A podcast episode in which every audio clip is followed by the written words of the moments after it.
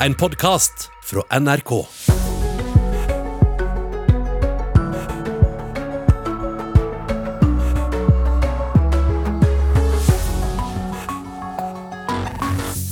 Det er mange som har venta lenge og som klør etter å dra på ferie til utlandet. Reglene blir endra over helga, men du bør nok tenke deg litt om før du roter fram passet og pakker kofferten.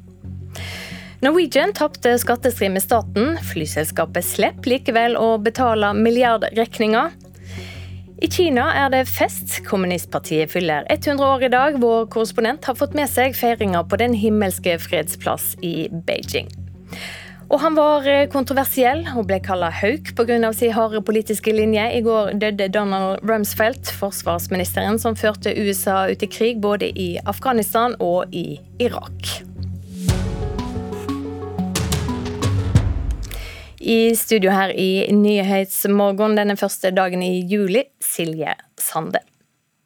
Om fire dager, på mandag, så endrer regjeringa sine offisielle reiseråd. Da blir det mulig å reise til de fleste europeiske land uten at reisa er strengt nødsynt. Vil si at du kan reise på ferie. Men det er ikke bare å dra, for ingenting er helt normalt i Europa, forklarer kommunikasjonssjef i Utenriksdepartementet, Trude Måseide så er det ikke sånn at dette blir en vanlig reisesommer for noen av oss som drar på reise. Det er fortsatt mange restriksjoner, regler og en uforutsigbar situasjon i Europa. For selv om reiserådene lettes, er ikke pandemien over, forklarer Måseide. Det er mange land som har restriksjoner, og de restriksjonene kan også endre seg på kort varsel. Mange land har også krav om transitt, sånn at eh, hvis du skal i transitt, så kan det godt hende at det kommer noen særskilte krav der også. Så det krever mer planlegging. Dersom det er barn med på ferien, må du sjekke forholdene i landet du skal til. Barn er ofte ikke vaksinert, og forskjellige land har forskjellige krav til innreise av uvaksinerte personer. Reiseforsikringen må være på plass, og de største forsikringsselskapene endrer nå forsikringen. Både europeiske og gjensidige følger Reiserådet fra UD, og forsikringen vil gjelde i Europa, men ikke til andre land, forklarer kommunikasjonsdirektør i europeiske Andreas Bibov Handeland. Land utenfor eh, Europa, det, det dekkes ikke, så da skal man være veldig forsiktig, forsiktig hvis, man, eh, hvis man drar. Og endringer kan skje underveis, der grønne land blir røde på kartet, og du må reise hjem. Da må du være klar over å ha satt deg inn i innreisereglene for Norge. Du kan også bli syk på reisen, og da er det ikke sikkert at helsevesenet der du er, kan ta hånd om deg pga. pandemien, og da kan det også hende at forsikringsselskapet ikke strekker til, sier kommunikasjonssjef Bjarne Rystad i Gjensidige. Så kan det da være situasjoner hvor vi ikke klarer å yte den bistanden vi ellers eh, gjør når det ikke er pandemi, fordi at det er ikke alle helsevesenet, alt som er på stell i alle land. slik at eh, Det er jo noe folk må være litt obs på. da, At uh, ting er ikke som vanlig, selv om man hoppsi de kan reise. At tilstanden ikke er normal i Europa, bekrefter Forbrukerrådet, og avdelingsdirektør Pia Høst ber folk være på vakt. For det første så må du jo til enhver tid følge myndighetenes reiseråd og følge med på de. De endrer seg jo, som vi vet, eh, raskt. Og for det andre så må du sette deg inn i eh, hvilke regler som gjelder for det landet du kommer til. Og, og, det siste er jo hva er det som skjer når du kommer hjem igjen. At du setter deg inn i de reglene for karantene. Eh, som jo også er, er under uh, endring hele tiden, så man, man, må holde seg oppdatert på det. Både Norwegian og SAS har hatt en enorm pågang av bestillinger til utlandet i sommer, og det er Spania og Hellas som peker seg ut som de mest populære landene. Pressesjef i SAS, Jon Eckhoff, råder folk til å være oppmerksomme, men også til å nyte ferien. Vi er ikke tilbake til normalen sånn som det var før eh, pandemien. og Du bør forberede deg på at eh, både på flyplassen i Norge og på destinasjonen du kommer til, så er det annerledes. Sørg for å være ute i god tid, sørg for å ha papirene i orden, eh, og så kan du nyte sommeren. Ja, Foreløpig så gjelder nye reiseråder bare for eh, de fleste landene i Europa. Reporter her Tor Albert Frøsland. Her i studio nå, Gunnar Hasle, infeksjonslege hos Reiseklinikken i Oslo. God morgen. God morgen. Mange som skal reise ut av landet til kontakt med din klinikk for å bli vaksinert, og du er også en av få som tilbyr den alternative Janssen-vaksinen mot covid-19. Hvordan har pågangen vært den siste tida? Eh, det har vært veldig mange som skal besøke sine hjemland, som kanskje ikke har sett sine foreldre eller nære slektninger siden 2019.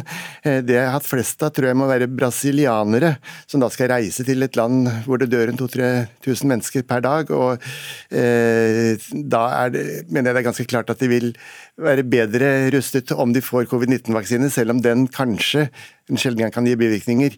Eh, så Derfor velger jeg å, gi det til dem, eller med god samvittighet gi det til, dem. Men vanlige norske turister som skal på ferie til sånne land som man må ha hepatitt A og gulfeber, det ser jeg ikke i det hele tatt. Normalt på denne tiden av året så ville jeg hatt mellom 50 og 100 per dag. Nå ser jeg ingen. Så det er, eh, det er helt nødvendige reiser, eh, det, det jeg ser, av de, de som kommer til meg. Ja, hva sier de som vil ut, reise på tur? Jo, nei, så De er fortvilet. Jeg får folk fra hele landet. Fra Bodø og Tromsø og Trondheim og Bergen og ja, Vestlandet, Sørlandet. Altså, de, de kommer eh, fordi det ikke er mulig å få vaksinen hos dem, og de, de, de, ser seg helt nødt til å reise til Oslo.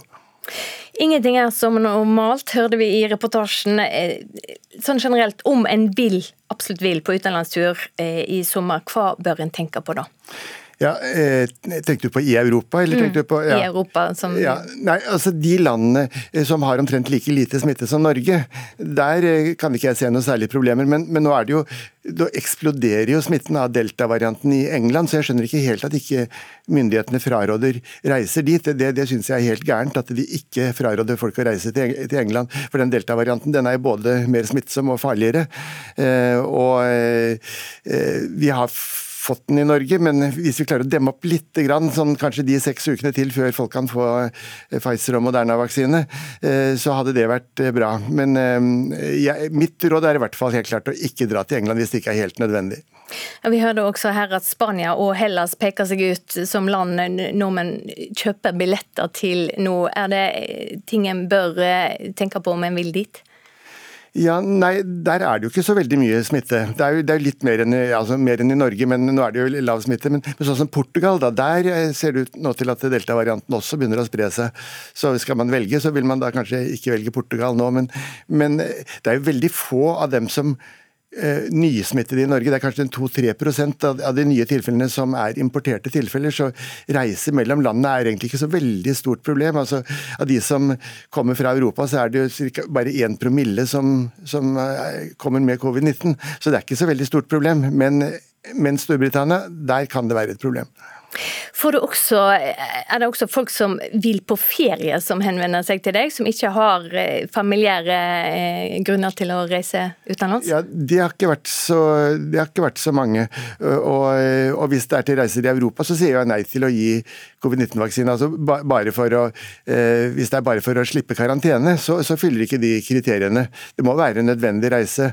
Eh, det kan være noen som er helt nødt til å få vaksinen de, for å utøve sitt yrke. Altså, altså Hvis du er pilot, arbeidssøkende pilot og ikke har sjanse til å få jobb om du ikke har et koronasertifikat, det er klart, da tar du den risikoen som kanskje er en av 100 000 for å få det, disse alvorlige komplikasjonene av Janssen-vaksinen.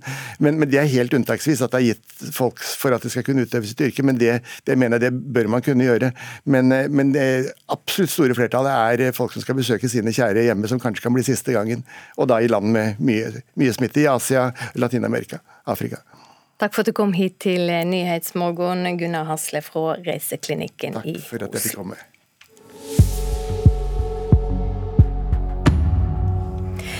Flyselskapet Norwegian har tapt en milliardstrid med staten om skatt i Oslo tingrett, i ei sak som nå er anka. Retten slår fast at flyselskapet skulle betalt skatt av inntekter på 4,5 milliarder kroner etter at fly og store deler av virksomheten ble overført til Irland. Mesteparten av milliardkravet er likevel tapt. Det sier seksjonssjef Monica Sivertsen i Skatteetatens juridiske seksjon. Normalt sett så ville det jo kanskje føre til en forholdsvis stor skatteregning. Et beløp på i størrelsesorden en milliard. I 2013 og 2014 omorganiserte flyselskapet Norwegian. Da flytta de fly og store deler av virksomheten til Irland. Flyselskapet mente at de kunne gjøre endringene uten å betale skatt, men staten var uenig. Vedtaket ble at Norwegian måtte betale skatt av 4,5 milliarder kroner i ekstra inntekt, og Oslo tingrett ga nylig staten medhold. Ja, vi er veldig tilfreds med at Oslo tingrett var enig med oss. Men staten kommer ikke til å få den milliarden den gjerne vil ha, selv om den skulle vinne også fremtidige rettsrunder. Men så har det jo vært en rekonstruksjon der. For Norwegian har vært konkursen nær gjennom pandemien. I den såkalte rekonstruksjonen av selskapet fikk mange av kreditorene bare smuler av pengene sine tilbakebetalt. Der er det jo sånn at uh, vilkårene for rekonstruksjon uh, var oppfylt, og skattekravet er da ikke et prioritert krav. Og uh, vi godtok derfor de samme vilkårene som alle andre, slik at det da bare gjenstår 1% av det kravet. Så det opprinnelige skattekravet på 1 milliard, det er egentlig barbert det nå da ned til, til kanskje 10 millioner, eller lavere enn det? Det er barbert, ja. Norwegian har nå anka dommen, og mener den strider mot EØS-reglene, forteller kommunikasjonsdirektør Espen Thuman. Klart hvordan eh, vi som konsern kan omorganisere oss, det er et viktig eh, spørsmål som sådan. Og hvor vi da mener at uh, i henhold til EØS-reglene, så er det noe vi kunne gjøre uten at det skulle beskattes. Og til tross for at det nå står om et fåtall millioner for Norwegian, er det det prinsipielle som er viktigst, sier Human.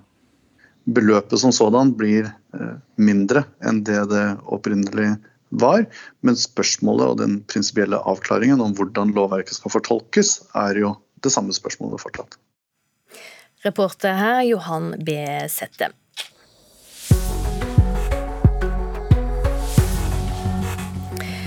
Klokka er 7.14. Overskrifter nå. Over helga kommer det nye reiseråd for turer til Europa. Da blir det greit å dra på ferie, men ingenting er helt normalt, så tenk deg godt om, advarer UD.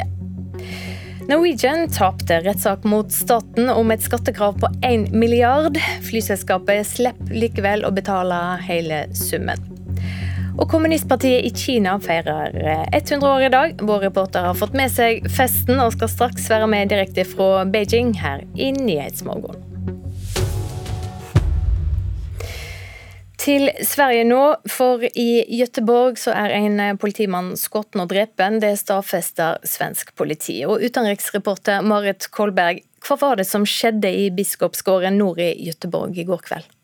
Ja, politifolk har forklart at eh, noen av deres mannskap sto og snakket med beboere i området da det plutselig ble løsnet skudd, og politiet skal ha fått melding om dette ved 23.30-tiden, eh, 22.30-tiden i går kveld. Og Politiets eh, talsmann Fredrik Svedmyr eh, sier at de kom raskt til stedet. Vi har ju under, tidigare under natten här eh, genomfört dörrknackning i området och eh, vittnesförhör och andra utredningstekniska åtgärder. Eh, bland teknisk undersökning på platsen där också. Vi utreder nu den här händelsen och försöker bland annat skapa oss en bild av det som, som har hänt här på, på plats. Ja, De har altså banket på dører i hele natt og prøvd å få tak i øyenvitner for å finne ut eh, hva det er som har skjedd. Og Det er et stort politioppbud eh, på stedet nå. Hva sier svensk politi om et, hva, hva kan være motivet for å skyte denne politimannen? Det skal holdes en pressekonferanse klokka ni eh, i dag, og da får vi kanskje vite noe mer om det. Det som iallfall er klart, er at det er innkalt store ekstramannskap, og politiet jakter med hunder etter eh, gjerningspersonene nå. Og uten at vi skal spekulere for mye, så er det jo naturlig å tenke litt på denne gjengkriminaliteten som jo har plaget eh, svenske byer i flere år nå. I Malmö så ble en 15 år gammel skutt og drept, gutt skutt og drept i november 2019. og Det førte til at man satte inn et ekstra program, Operasjon Rimfrost ble det kalt. Eh, og hvor eh, Meningen var at man skulle bekjempe ikke minst narkotikakriminalitet. Fordi man har sett at flere av disse voldsutøverne er unge, såkalte løpegutter, som eh, agerer på vegne av disse kriminelle gjengene. Og Viserikspolitisjefen Mats Løvik han har jo tidligere uttalt at det finnes minst 40 40 såkalte slektbaserte kriminelle nettverk, har han kalt det, eller klaner, eh, som da kommer til Sverige for å drive sin kriminelle virksomhet der. Så mange er lei og slitne av dette. Det kommer jevnlig melding om skyting og eksplosjoner i flere svenske byer. Og mange tenker kanskje som den 70 år gamle svenske naboen som sier til Sveriges Radio at øh, nå er de i gang igjen. Fy faen, sier jeg bare. Ja, nå er det i gang igjen. Takk skal du ha, utenriksreporter Marit Kolberg. Den tidligere amerikanske forsvarsministeren Donald Rumsfeldt døde i går, 88 år gammel. Rumsfeldt var eh, forsvarsminister i to omganger, først på 1970-tallet og fra 2001 i regjeringa til George W. Bush, der han annet var sentral i den amerikanske invasjonen i Irak i 2003. Rumsfeldt var helt sentral i USAs krig mot terror og invasjon i Irak og Afghanistan. Det forteller vår korrespondent Anders Magnus.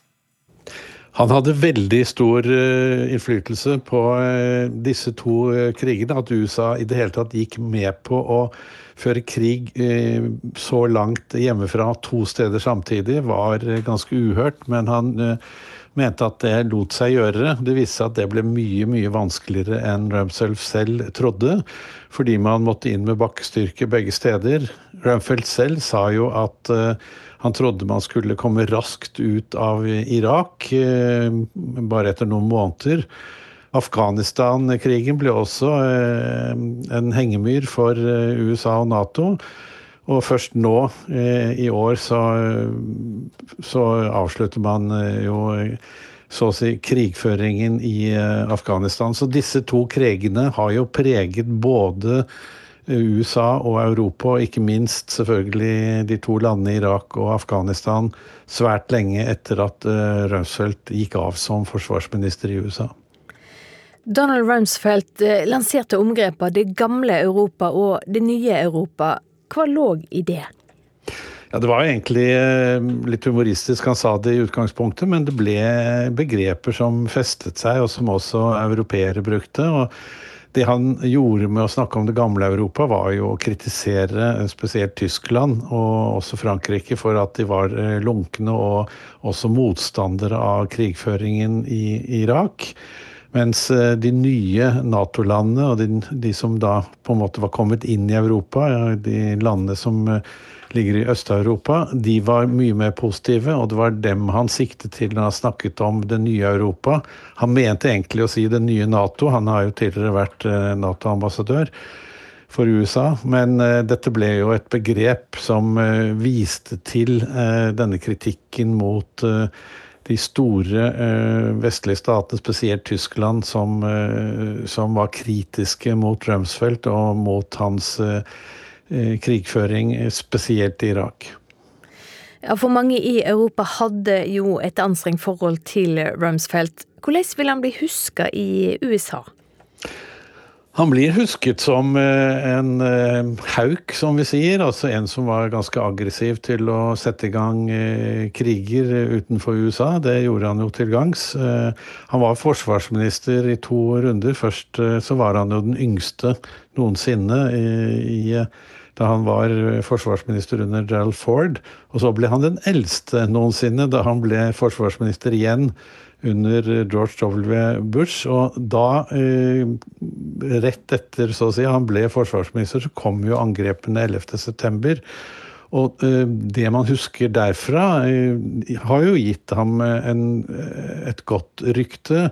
For der, da var han jo til stede i Pentagon da Forsvarsdepartementet i USA ble angrepet av et av disse flyene, og han var med og hjalp de som var såret rett etterpå. Så, eh, så, han har et godt rykte som en som ville være til stede og handlekraftig. Men eh, han har jo også et veldig dårlig rykte i USA fordi han har eh, ledet amerikanerne inn i to slike veldig langvarige kriger som har blitt en hengemyr for senere regjeringer og presidenter. Det sa korrespondent Anders Magnus, og jeg snakka med han like før sending. I dag møtes verdenseliten i friidrett til Bislett Games framfor 5000 tilskuere. Karsten Warholm drømmer om å slå verdensrekorden til Kevin Young på tida 46,78, og tilhøver på Bislett i dag ligger til rette for at det kan skje. Det eneste som er sikkert, er at vi er blitt lovd forhold som kan tillate store prestasjoner. Um, jeg er veldig fornøyd med den 300-meter-hekken jeg gjorde for en måned siden. Uh, og jeg føler meg bra. Det er ingenting som tilsier at jeg ikke skulle være på mitt beste nivå. Det sa Karsten Warholm i går da han møtte pressen før han skal løpe 400 meter hekk på Bislett stadion i kveld.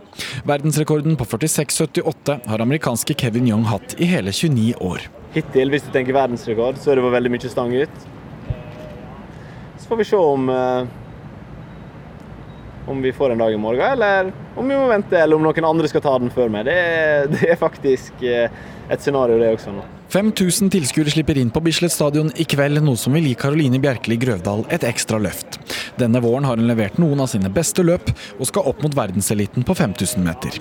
Det er første 5000 på Nå husker jeg ikke det siste løp 5000, faktisk. Det var kanskje Doha. Så det er et viktig løp i forhold til, eh, til OL. Det blir det eneste 5000 vi får før det. og Jeg håper det blir en bra gjennomkjøring. og Selvfølgelig springer jeg alltid for å, for å springe fort, men det er umulig å spå hvilke tider jeg kan løpe på.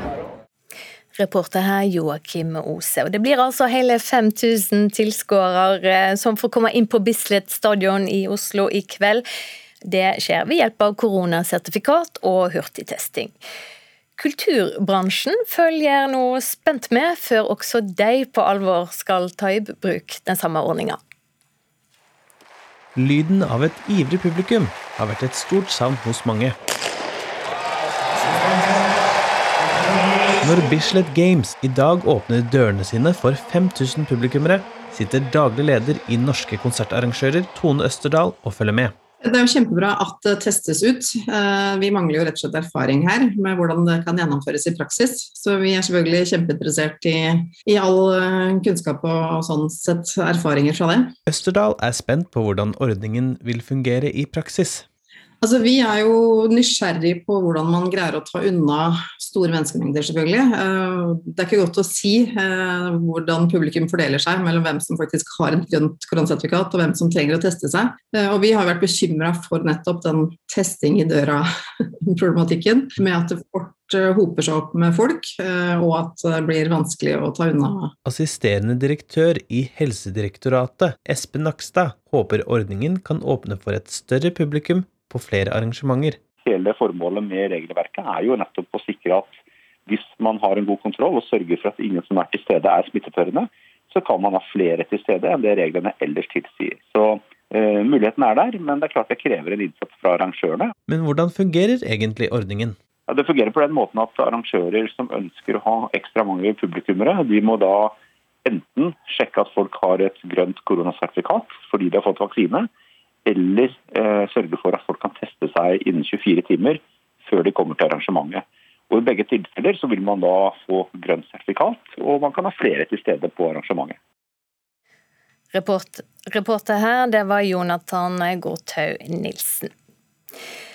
Kommunistpartiet i Kina feirer 100 år i dag, og har allerede markert dette i flere dager. Hovedfesten gikk av stabel på Den himmelske freds plass i Beijing i formiddag lokal tid, og der var du Asia-korrespondent Kjersti Strømmen. Fortell oss hva skjedde? Ja, det er jo ingen som eh, klarer å feire på så skal man si, solide måter som eh, eh, kineserne og for så vidt nordkoreanerne.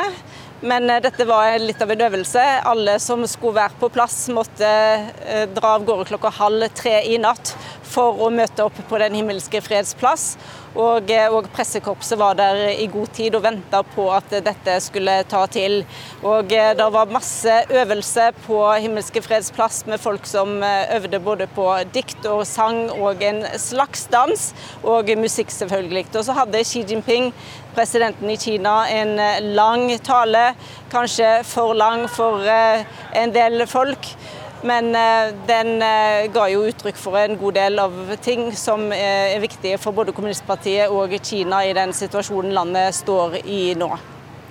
Hva synes folk flest i Kina? Støtter det opp om kommunistpartiet, som altså har styrt landet siden 1949?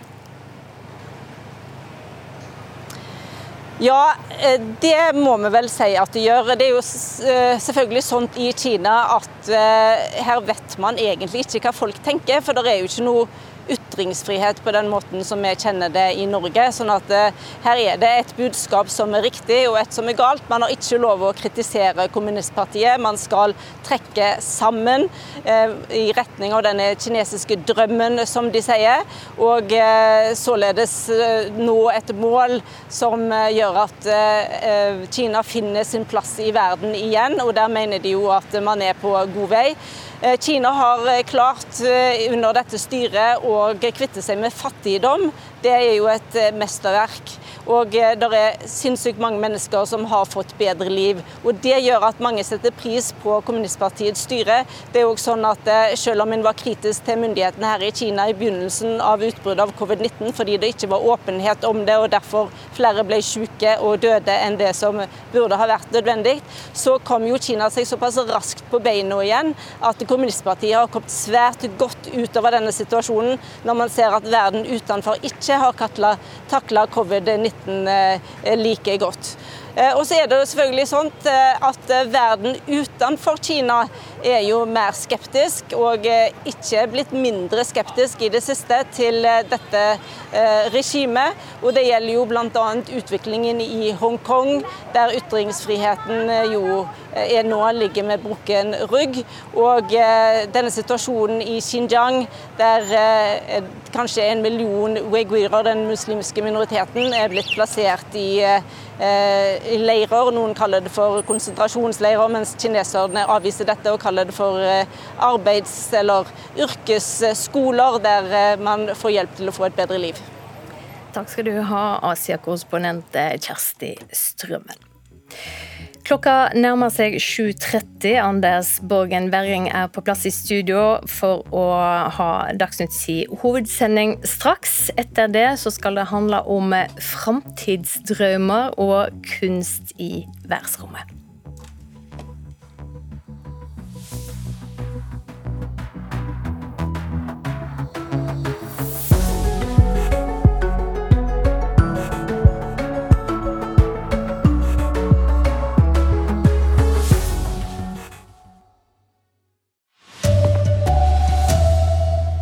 Få dager endres rådene for europareiser, men det er ikke bare å dra, advarer UD. Politi med hunder jakter gjerningsperson. Politimann er skutt og drept i Gøteborg. En dommer har avvist kravet fra artisten Britney Spears om å slippe faren som verge. Her er NRK Dagsnytt, klokka er 7.30. Mandag så endres det offisielle reiserådet, og da blir det mulig å reise til de fleste europeiske land uten at reisen er strengt nødvendig. Dvs. Si at du også kan reise på ferie. Men før du reiser så må både reiseforsikring og mye annet være på plass. For ingenting er helt normalt i Europa, forklarer kommunikasjonssjef i Utenriksdepartementet, Trude Måseide. Så er det ikke sånn at dette blir en vanlig reisesommer for noen av oss som drar på reise. Det er fortsatt mange restriksjoner, regler og en uforutsigbar situasjon i Europa. For selv om reiserådene lettes, er ikke pandemien over, forklarer Måseide. Det er mange land som har restriksjoner, og de restriksjonene kan også endre seg på kort varsel. Så det krever mer planlegging. Du kan også bli syk på reisen, og da er det ikke sikkert at helsevesenet der du er kan ta hånd om deg pga. pandemien. Og da kan det også hende at forsikringsselskapet ikke strekker til, sier kommunikasjonssjef Bjarne Rystad i Gjensidige. Så kan det da være situasjoner hvor vi ikke klarer å yte den bistanden vi ellers gjør når det ikke er pandemi, fordi at det er ikke alle helsevesenet, alt som er på stell i alle land. slik at Det er jo noe folk må være litt obs på. Da, at ting er ikke som vanlig, selv om man håper de kan reise. At tilstanden ikke er normal i Europa, bekrefter Forbrukerrådet, og avdelingsdirektør Pia Høst ber folk være på vakt. For det første så må du jo til enhver tid følge myndighetenes reiseråd og følge med på de. De endrer seg jo, som vi vet, raskt. Og for det andre så må du sette deg inn i hvilke regler som gjelder for det landet du kommer til. Og det siste er jo hva er det som skjer når du kommer hjem igjen. At du setter deg inn i de reglene for karantene, som jo også er under endring hele tiden. Så man, man må holde seg oppdatert på det. Foreløpig så er det altså land i Europa som får lettelser. Land utenfor Europa er til løpende vurdering. Reporter her, det var Tor Albert Frøsland. Flyselskapet Norwegian har eh, tapt en milliardstrid med staten om skatt i eh, Oslo tingrett, i en sak som nå er eh, anket. Retten slår fast at flyselskapet skulle betalt skatt av inntekter på 4,5 milliarder kroner, etter at fly og store deler av virksomheten ble overført til Irland. Mesteparten av milliardkravet er likevel tapt, sier seksjonssjef Monica Sivertsen i Skatteetatens juridiske seksjon. Normalt sett så ville det jo kanskje føre til en forholdsvis stor skatteregning. Et beløp på i størrelsesorden en milliard. I 2013 og 2014 omorganiserte flyselskapet Norwegian. Da flytta de fly og store deler av virksomheten til Irland. Flyselskapet mente at de kunne gjøre endringene uten å betale skatt, men staten var uenig. Vedtaket ble at Norwegian måtte betale skatt av 4,5 milliarder kroner i ekstra inntekt, og Oslo tingrett ga nylig staten medhold. Vi er veldig tilfreds med at Oslo tingrett var enig med oss. Men staten kommer ikke til å få den milliarden den gjerne vil ha, selv om den skulle vinne også fremtidige rettsrunder. Men så har det jo vært en rekonstruksjon der. For Norwegian har vært konkursen nær gjennom pandemien. I den såkalte rekonstruksjonen av selskapet fikk mange av kreditorene bare smuler av pengene sine tilbakebetalt. Skattekravet er da ikke et prioritert krav, og eh, vi eh, godtok derfor de samme vilkårene som alle andre, slik at det da bare gjenstår 1 av det kravet. Norwegian har nå anka dommen, og mener den strider mot EØS-reglene, forteller kommunikasjonsdirektør Espen Tuman. Klart Hvordan vi som konsern kan omorganisere oss, det er et viktig spørsmål som sådan. Og hvor vi da mener at uh, i henhold til EØS-reglene så er det noe vi kunne gjøre uten at det skulle beskattes. Reporter her, Johan B. Settem. Så til eh, Sverige, for i Göteborg der er en politimann skutt og drept. Det bekrefter eh, svensk politi. Utenriksreporter Marit Kolberg, hva var det som skjedde i Biskopsgården nord i Göteborg i går kveld? Et par politifolk skal ha stått og snakket med beboere i området da det plutselig ble skutt, og politimannen ble brakt til sykehus med store skader og døde senere på natten av disse skadene. Og Politiets eh, pressetalsmann eh, sier at de ble kalt til stedet ved 22.30-tiden på kvelden.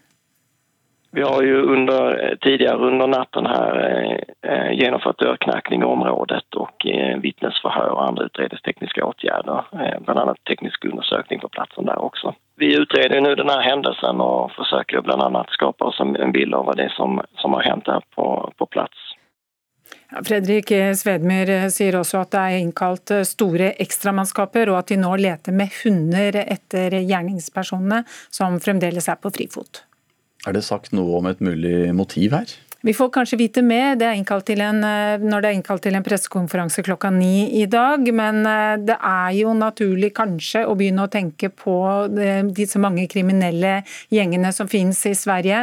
Landets eh, viserikspolitimester har jo uttalt at det finnes så mange som 40 forskjellige klaner som driver med kriminell virksomhet i landet. De har ofte unge løpegutter som utøver volden for dem og tjener store penger på narkotika uka. Og det er nok mange som eh, tenker som eh, denne naboen her, som sier til Sveriges Radio at øh, nå er de i gang igjen. Fy faen, sier jeg bare. Ja, nå er de i gang igjen. Takk skal du ha, utenriksreporter Marit eh, Kolberg. Riksadvokaten har grepet inn i saken om kvinnen som har blitt forfulgt og trakassert av en mann i to år, som NRK har fortalt om. Mannen har brutt besøksforbudet ti ganger, men saken har flere ganger blitt henlagt av politiet. Denne uka har Riksadvokaten omgjort henleggelsen og sagt til politiet at de må etterforske saken grundigere. Regjeringen vil ikke gi penger til tros- eller livssynssamfunn som tar imot pengestøtte fra land uten religionsfrihet. Forslaget møter motbør og undring, men i dag blir det sendt ut på høring. Vi ønsker ikke at uh, trossamfunnet i Norge skal være avhengig av eller ha uheldige bindinger til stater som bryter menneskerettighetene, og som òg da ikke respekterer retten til tros- og livssynsfrihet. Slik grunngir barne- og familieminister Kjell Ingolf Ropstad forslag om å nekte statsstøtte til trossamfunn som får penger fra land som ikke respekterer fritt tros- og livssyn. Vi frykter jo at konsekvensen av hvis eh, trossamfunnet er avhengig av sånne stater, at det kan true de verdiene vi setter pris på i samfunnet vårt. Mange av trossamfunnene som får statsstøtte, er muslimske organisasjoner. Basim Goslan er styremedlem i Rabita-moskeen i Oslo, og han ser at forslaget sender klare signal til stater som ikke respekterer menneskerettene. Men Da lurer jeg på hvorfor er det kun trossamfunn som skal gi denne eh, slik signal, og ikke hele staten? Hvorfor skal staten da selge våpen og ha forbindelser og forretninger og alt mulig med disse statene, når vi er så opptatt av menneskerettigheter at vi må gi signal til dem? Skal vi ikke boikotte disse statene da, staten i sin helhet? På spørsmål om hva stater det ikke lenger skal være greit å motta pengestøtte fra, svarer Ropstad. Ja, Vi opererer med kriterier, som bl.a. om en har slutta seg til FNs menneskerettighet, eller om en har dødsstraff eller fengsel for blasfemi, eh, og den type spørsmål. Og så vil det da være ut fra de kriteriene som avgjør om en får støtte. Reportere her, det var Kristine Næss Larsen og Bjørn Atle Gildestad.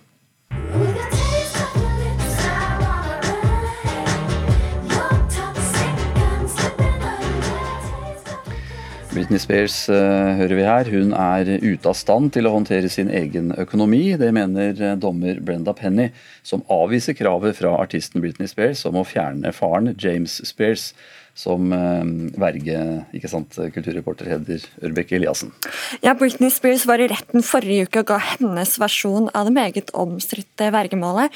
Siden 2008 så har faren Britney til Britney hatt kontroll over økonomien, eiendelene og hennes personlige beslutninger. Da. Og I retten forrige uke så ba hun eh, om at faren Jamie Spears skal fjernes som verge, men nå har da dommeren sagt nei. Og Det er bransjebladet Deadline som har fått tak i rettsdokumenter hvor det står at dommer Brenda Penny har avvist denne anmodningen. Da. Altså ønsket hennes om å fjerne faren som verge. Hvor lenge har eh, faren kontrollert eh, økonomien hennes? At siden 2008, dvs. Si da 13 år. Så eh, i 13 år så har hun vært verge og kontrollert pengene, og det er trolig en formue med verdier med eh, til over 50 eh, millioner dollar. Da. Og dette vergemålet kom på plass etter at stjernen fikk store psykiske problemer i 2007-2008. Så um, Superstjernene har jo lenge hatt fansene i ryggen, og de har vært bekymret uh, for at uh, faren har hatt kontroll. Og de har da startet denne bevegelsen Free Britney. Takk skal du ha, kulturreporter Heder Ørbekk Eliassen. Det var NRK Dagsnytt. Ulf Tanner Fjell har ansvaret i dag. Jeg heter Anders Borgen Werring.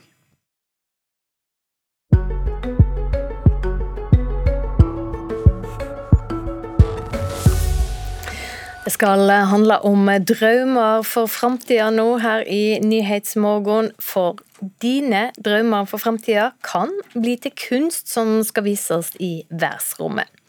Kunstnere fra store deler av verden skal nå dykke ned i hva folk drømmer om skal skje ti år fram i tid. Og fra Norge så er Hamar-kunstneren Kari Bjertingstad plukka ut. I januar skal kunsten faktisk vises fram i verdensrommet. jeg vet ikke helt hva jeg går til. det er litt gøy. Nei, hun ble litt satt ut, Hamar-kunstneren Kari Bjertingstad, da hun fikk det litt spesielle oppdraget. Hun representerer Norge i et internasjonalt samarbeidsprosjekt der kunstnere fra 20 land skal tolke folks drømmer om framtida.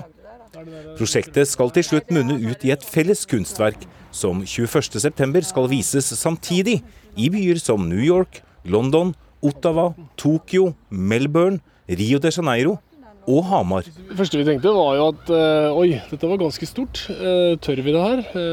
Det, hva er det for noe? Sier Truls Pedersen, kulturprodusent i Hamar kommune. Men så samtidig så tenkte jeg at jo, vi er jo en by blant mange andre byer i verden. Og uavhengig om du bor i Hamar eller om du bor i New York, så må man jo bidra for å bli med på noe. Men det er med ydmykhet at vi er med, altså. Nå ønsker kommunen at hele Norge sender inn sine framtidsdrømmer via en egen nettside. Fra denne nettsiden kan kunstnerne fra hele verden plukke ut drømmene de ønsker å jobbe videre med. Eh, Kari kan plukke fra eh, drømmer fra andre land, og kunstnere fra andre land kan plukke de norske drømmene. Eh, og så vil mange av dem bli illustrert og satt sammen i et kjempestort kunstverk. Kari Bjertingstad jobber med sterke farger. Men det nye prosjektet blir litt annerledes enn hva hun vanligvis driver med. Sånn Normalt altså maler på lerret. Uh, bruker det som eh, medium og, og akrylfarger.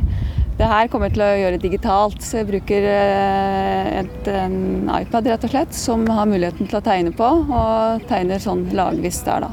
Folkets framtidsdrømmer har hun ennå ikke fått sett. Men hun har allerede en tanke om å bruke Mjøsa som en slags kulisse for sitt kunstbidrag. Eh, når jeg kan begynne å illustrere drømmene, så lager jeg små øyer i Mjøsa med drømmeillustrasjoner på. Og det samme skyer. Hvis det er litt høytflyvende drømmer, så kommer de opp på en sky litt over Mjøsa der. Så det blir drømmeøyer og drømmeskyer. Og selv om hun er plukket ut som kunstner av Hamar kommune, vil ikke kommunen legge noen føringer på hvordan hennes framtidsdrømmetolkning skal være, sier kultursjef Morten Midtlien. Vi legger aldri føringer for kunstnere. Eh, det er noe av det viktigste prinsippet, at man får lov til å bruke den kreativiteten man eh, innehar. Men det er klart at her skal jo alle eh, i hele Hamar og regionen og Norge få lov til å spille inn sine drømmer, og så får vi se hvordan kunstneren oversetter disse drømmene til, et, eh, til noe på papiret. Nå kan det være spennende nok i seg selv å delta i et kunstprosjekt som skal vises samtidig i 20 land. Men akkurat dette kunstprosjektet her stopper ikke ved landegrensene. I januar 2022 skal kunstverket etter planen tas med i et romskip fra Elon Musk sitt private romfartsselskap SpaceX og sendes ut i verdensrommet til den internasjonale romstasjonen. Der skal drømmekunsten vises fram med jordkloden som bakgrunn. Så Hvis du har da registrert drømmen din, så kan du faktisk være en del av et stort kunstprosjekt som skal vises langt der oppe. Og dermed blir kanskje kunstneren Kari Bjertingstad fra Hamar historisk, som den første norske personen som får vist fram sin kunst ute i verdensrommet. Om da kommer noe ut i verdensrommet så andre får se det, det gjenstår å se får kanskje en melding tilbake fra et sted. Kajis kunst i verdensrommet, det er litt tøft? Ja, det høres morsomt ut. Det gjør det. Mm. Reporter her, det var Ola Bjørlo Strande.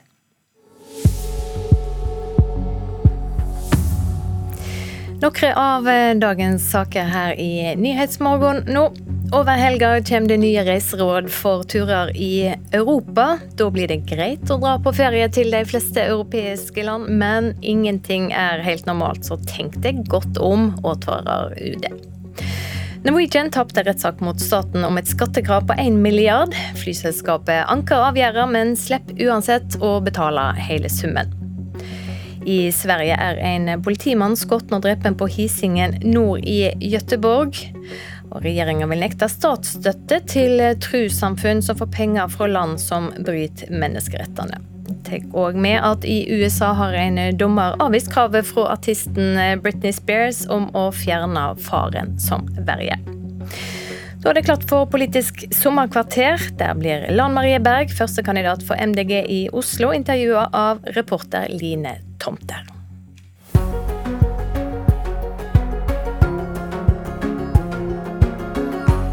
Nå går tapen, bare så du vet det. Ok, den er god. Hallo, Lan Marie Berg heter jeg. Du er jo egentlig ganske berømt allerede, selv om du bare har vært lokalpolitiker. Men nå stiller du altså til stortingsvalg for MDG i Oslo. Hva vil du bli kalt av en journalist? Vil du bli kalt Lan, Lan Marie eller Lan Marie Berg? Oi, oi, oi. Eller bare Berg? ja, gjerne Lan. Altså, Lan? Det, er, det er egentlig veldig fleksibel. Du er jo kjent for å være litt kompromissløs. Når er det å være kompromissløs en god egenskap? Man må være kompromissløs på de viktige tingene. Men så er jeg veldig kompromissvillig på ting som ikke er fullt så viktig. Men det som vi vet med klima- og miljøsaken, er at sannsynligvis har det vært slik at politikere over de siste 30 årene i Norge har vært for kompromissvillige på klima- og miljøsaken. Og det er det som har gjort at vi ikke har klart å kutte utslipp, mens landene rundt oss har kuttet utslipp med 30-40% Og det er jo noe av det som vi nå må ta igjen da, de neste 8,5 årene, når verden skal kutte av 50 av klimagassutslippene innen 2030. Og Det er en formidabel oppgave, og Norge er nå langt på etterskudd. Eh, vi må berøre en annen krise som noen, eller noen har kalt en krise det siste. Det var det eh, mistilliten mot byrådet. Eh, jeg har studert bilder fra den dagen. Og da Raymond Johansen han, her, Skal vi se på bildet av Raymond her. Han ser helt grå han, Veldig alvorlig. Ser veldig grå ut i ansiktet. Han syns ikke dette er noe gøy. Og så ser jeg på de bildene av deg, og så har jeg nesten aldri sett deg smile bredere. Nå, nå smiler du oftere enn Raymond Hansen, men hvorfor var du så fornøyd den dagen? Nei, jeg var jo ikke så veldig fornøyd den dagen, men jeg tror at den virkelige krisen her er jo at man har utredet ny vannforsyning til Oslo siden 1968, men man har ikke tatt tak i det og ønsket å gjennomføre det. Og jeg er veldig men hvorfor smilte du så mye da, hvis du ikke var fornøyd? Nei, men altså, jeg tror jo også på mange måter så tror jeg at uh, man ikke skal trekke for store konklusjoner rundt akkurat de to bildene som du viste der. Men det, det er flere. Men det viktige er jo at byrådet sto sammen og sa ifra om at vi ikke mente at det var grunnlag for det mistillitsforslaget, og at bystyret også vedtok en økt kostnadsramme for å få ny vannforsyning til Oslo, fordi det er helt avgjørende skal vi sikre beredskapen i byen. Men var det en seier for deg at uh, Raimond Johansen var villig til å stille kabinettspørsmål? Jeg tror ikke at det på noen måte opplevdes som en seier at det ble stilt mistillit, uh, mistillitsspørsmål i bystyret. men at vi sto sammen tror jeg var viktig for hele prosjektet, og vil gjøre at prosjektet også vil stå uh, trygt også framover. Men du så det ikke på det som en alvorlig situasjon? Jo, men altså, nå tok du jo fram to bilder, da. Ja. Men det finnes jo ganske mange bilder hvor jeg også forteller hvor alvorlig situasjonen var. Mm. Uh, sånn at jeg syns jo at hele på en måte, debatten blir litt satt på spissen, og ikke noe som jeg, jeg er veldig enig i. Ja. Nei, det var bare en veldig sånn uh, kontrast, da.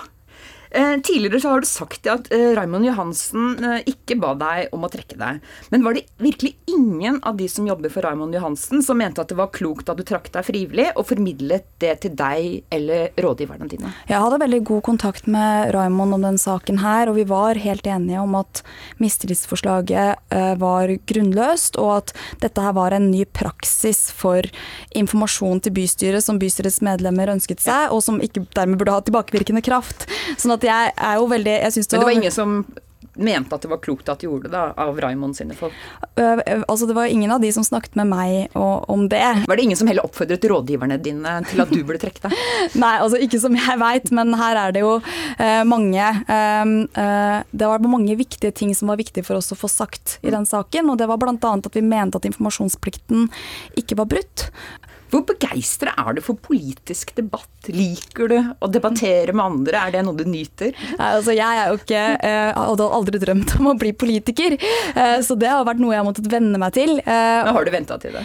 Kanskje litt, men jeg tror aldri at jeg vil være en sånn person som syns at det er det mest naturlige i hele verden, å gå inn i en sånn politisk debatt. Og mye er jo sånn skuespill, hvor du da i den ene debatten må late som du er kjempesur på en person, for at du er veldig politisk uenig, men så skal du på en måte gå ut i en annen debatt, og så skal skal Du har på en måte et annet humør. Så det er jo en del av det politiske på en måte uh, som, som, jeg syns er veldig uvant.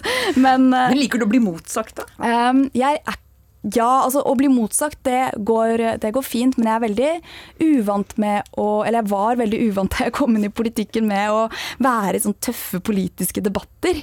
Eh, og eh, fordi at jeg egentlig er litt konfliktsky og litt sjenert.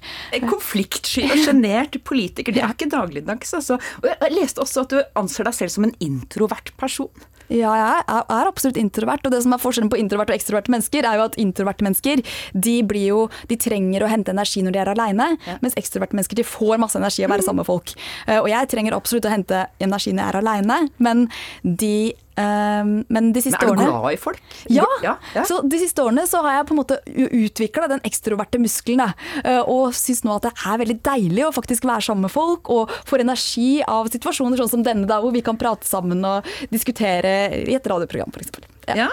Men det, du vekker jo også mye sånn sterke følelser hos folk, på godt og vondt. Du har en stor tilhengerskare, og du har mange motstandere. Men i hvilken grad klarer du å nyte det og liksom skape engasjement på begge sider? jo, altså det er jo ikke noe som jeg noensinne tenkte at uh, En situasjon jeg noensinne tenkte jeg skulle være i. Uh, og jeg tror at veldig, for veldig mange så er klimasaken det uh, er den viktigste politiske saken i, i, vår tid. Og veldig mange unge er veldig um, redde for de endringene som nå kommer. ja, men det var ikke det. Liker du å skape følelser og engasjement? Det at liksom, du er med på å lage Nei, det, nei, det har jeg aldri tenkt på. Nei? Jeg har aldri vært en sånn person. Jeg var jo den da jeg var liten, så pleide jeg, moren min å si at jeg pleide å sette meg i et hjørne. Hvis jeg kom i en ny sosial situasjon, så pleide jeg å sitte og følge med litt, og så se hvordan de andre oppførte seg. Og så kunne jeg på en måte kaste meg inn da når jeg følte meg trygg. Så for meg så er det en veldig uvant situasjon å være i, og det var kanskje noe av det som var mest rart med å komme inn i politikken på den måten jeg gjorde. At jeg ble kjent nærmest over natta, men også veldig kontroversiell nærmest over natta. Og det er absolutt ikke noe som faller meg veldig naturlig, eller som jeg hadde drømt om at jeg en situasjon jeg hadde drømt om at jeg skulle komme i. Jeg har hørt at du ikke ser nødvendigvis på deg selv som en politiker. Anser du deg først og fremst som en klimaaktivist? Eller en politiker?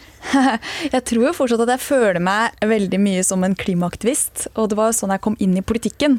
Jeg var jo først med i klimabevegelsen, eh, i ungdomsorganisasjonene i mange år. Eh, og så fant jeg Miljøpartiet De Grønne og skjønte at hvis vi skal klare å endre systemet, så må vi gjøre det gjennom de politiske partiene, og at Miljøpartiet De Grønne var mitt parti. Er det noen type vedtak eh, som kan få ned klimautslippene veldig, men som du tenker det her går for langt inn i privatsfæren?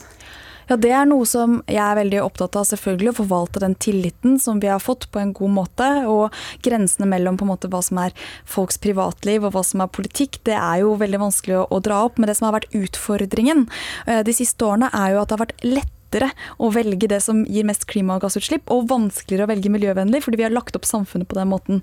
Sånn at du, Det er nesten som du stryker litt på en IQ-test om du tar toget til Bergen istedenfor å fly, for at det noen ganger er så billig å fly. Eh, og Sånn kan vi jo ikke ha det, og det er da vi som politikere må være tydelige på at vi skal prioritere det som gjør at det er billig og enkelt å leve miljøvennlig, og så må det bli litt dyrere og vanskeligere å forurense, fordi at vi må få ned forurensningen veldig raskt for å unngå katastrofale klimaendringer. Og det er det vi må gjøre dersom vi kommer i posisjon posisjon nettopp endre all tilnærming til politikk og sørge for at klima og miljø gjennomsyrer det. De kunne jo sikkert fått ned klimautslippene hvis, hvis eh, et, en kilo kjøttdeig kosta 300 kroner. Men ville det vært fornuftig, tenker du? Nei, altså Det kommer veldig uh, an på, men det vi vet i dag er at vi er nødt til å redusere kjøttforbruket mm. ganske uh, kraftig i årene framover. Både pga. dyrevelferden, pga. naturen vår og pga. klimaet. Og så må det kanskje koste litt mer å velge, velge kjøtt. Og så må vi sørge for at dyrevelferden også blir ivaretatt i kjøttproduksjonen som vi har. Hvor mye bør én kilo kjøttdeig koste ideelt, tenker du? Nei, det er jo ikke noe som jeg har et sånt eh, svar med to streker under nå. Du spiser ikke kjøtt sjøl? Jo, jeg gjør det. Gjør du det? Eh, men jeg prøver å spise lite av det. Og så prøver jeg å spise eh, kjøtt fra eh, gårder der hvor jeg veit at dyrene har hatt det bra når jeg spiser kjøtt. Når var det du spiste kjøtt sist? da? Ja, Nå var det faktisk i dag morges, da. Fordi at um, Dette er overraskende. Ja, nå har det vært litt dårlig tid i det siste, så vi har ikke fått handla så mye mat. Og jeg skulle få meg frokost, så da var det bare halvparten av den leverposteiboksen til datteren min igjen da, i kjøleskapet. Så da ble det det, med knekkebrød. Eh, egentlig hadde jeg tenkt å spørre deg, Hvordan ser du på kjøttspisende mennesker? Men du spiser jo kjøtt. Ja.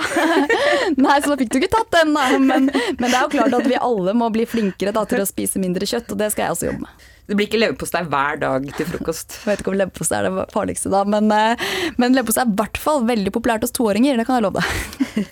Men i hvert fall som byråd for samferdsel i Oslo, ganske stor eh, stilling, ehm, så har du hatt eh, egentlig ansvar for mange menneskers trivsel.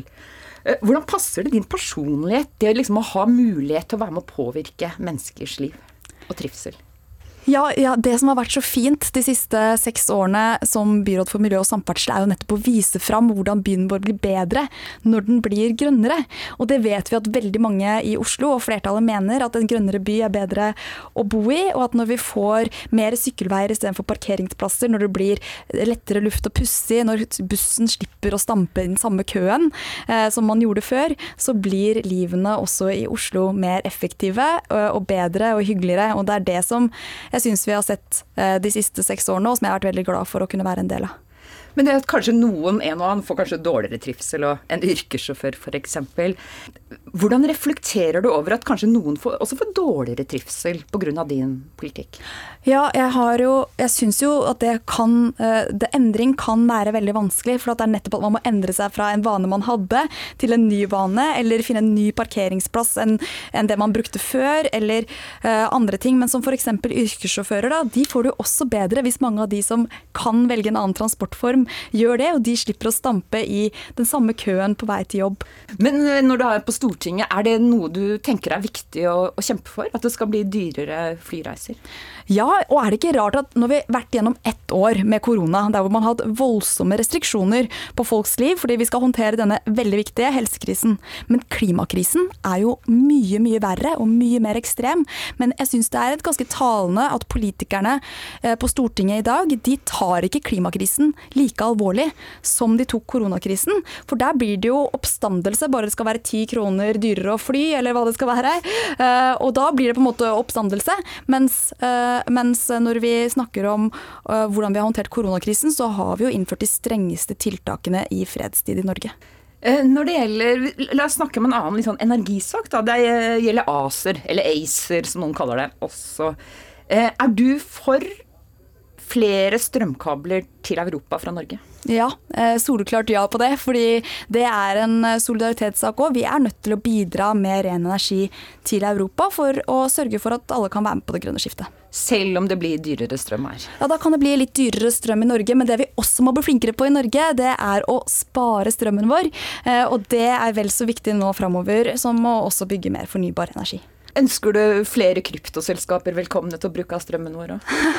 ja, det blir jo Er det mange hypotetiske spørsmål? Nei, det er masse kryptovaluta men, som utvinnes i Norge. Er det, er det, greit at det er med å fordyre strømmen? Nei, altså vi er jo nødt til å sørge for hvordan vi kan spare strøm på en best mulig måte, og bruke den strømmen vi har på en mest mulig hensiktsmessig måte. Da er det ikke sikkert kryptovaluta er det mest hensiktsmessige, men eh, det, er mange, det, er veldig mange, land i Europa som vi vet trenger fornybar energi, og da må vi også bidra med det. Hva blir den viktigste sakene å jobbe med for deg de neste fire årene på Stortinget? Nei, Det blir jo oljepolitikken. Eh, fordi Norge er fortsatt et oljeproduserende land. Men nå sier til og med oljebransjens analysebyrå at vi ikke har plass til eh, mer utvinning og flere felt dersom vi skal klare 1,5-gradersmålet. Og at alle nye investeringer som vi gjør i, i, Norge og andre land, de kan vi ende opp med å tape milliarder av kroner på. Så nå må vi sørge for velferden til framtida og slutte med olje og gass. Er du for høyere skatt? Høyere skatter for de som har mye, men eh, lavere hva, skatt Hva vil du si å ha mye? men lavere skatter for de som har lite. Så det er det som vi, eh, som vi, trenger også når vi skal gjennomføre et grønt skifte. Som vi vil gjøre at noen avgifter på eh, ting som forurenser vil bli dyrere. Så må vi sørge for at det også blir rettferdig ved at de som har eh, mye må skatte mer, og de som har lite må skatte mindre. Stiller et litt halvpersonlig spørsmål. Du har en mann som også er veldig samfunnsengasjert, og han er på Twitter døgnet rundt, ser det ut som. Når er det dere to snakker om trivielle ting? ja, det blir imellom at han er på Twitter og jeg er på jobb en gang, eh, som, er, eh, som eh, ikke er så ofte. Men, men, nå har jeg til og med ikke klart å logge inn på Twitter-kontoen min på en stund, så jeg vet ikke hva han driver med. Og han har også en jobb for all del, men vi drar ofte på tur i skogen etter leggetid, og da får vi litt tid å prate. Og da prater dere ikke bare politikk? Nei. Lan Marie Berg, eh, første kandidat for MDG i stortingsvalget. Tusen takk for at du kom hit til NRK. Tusen takk for meg.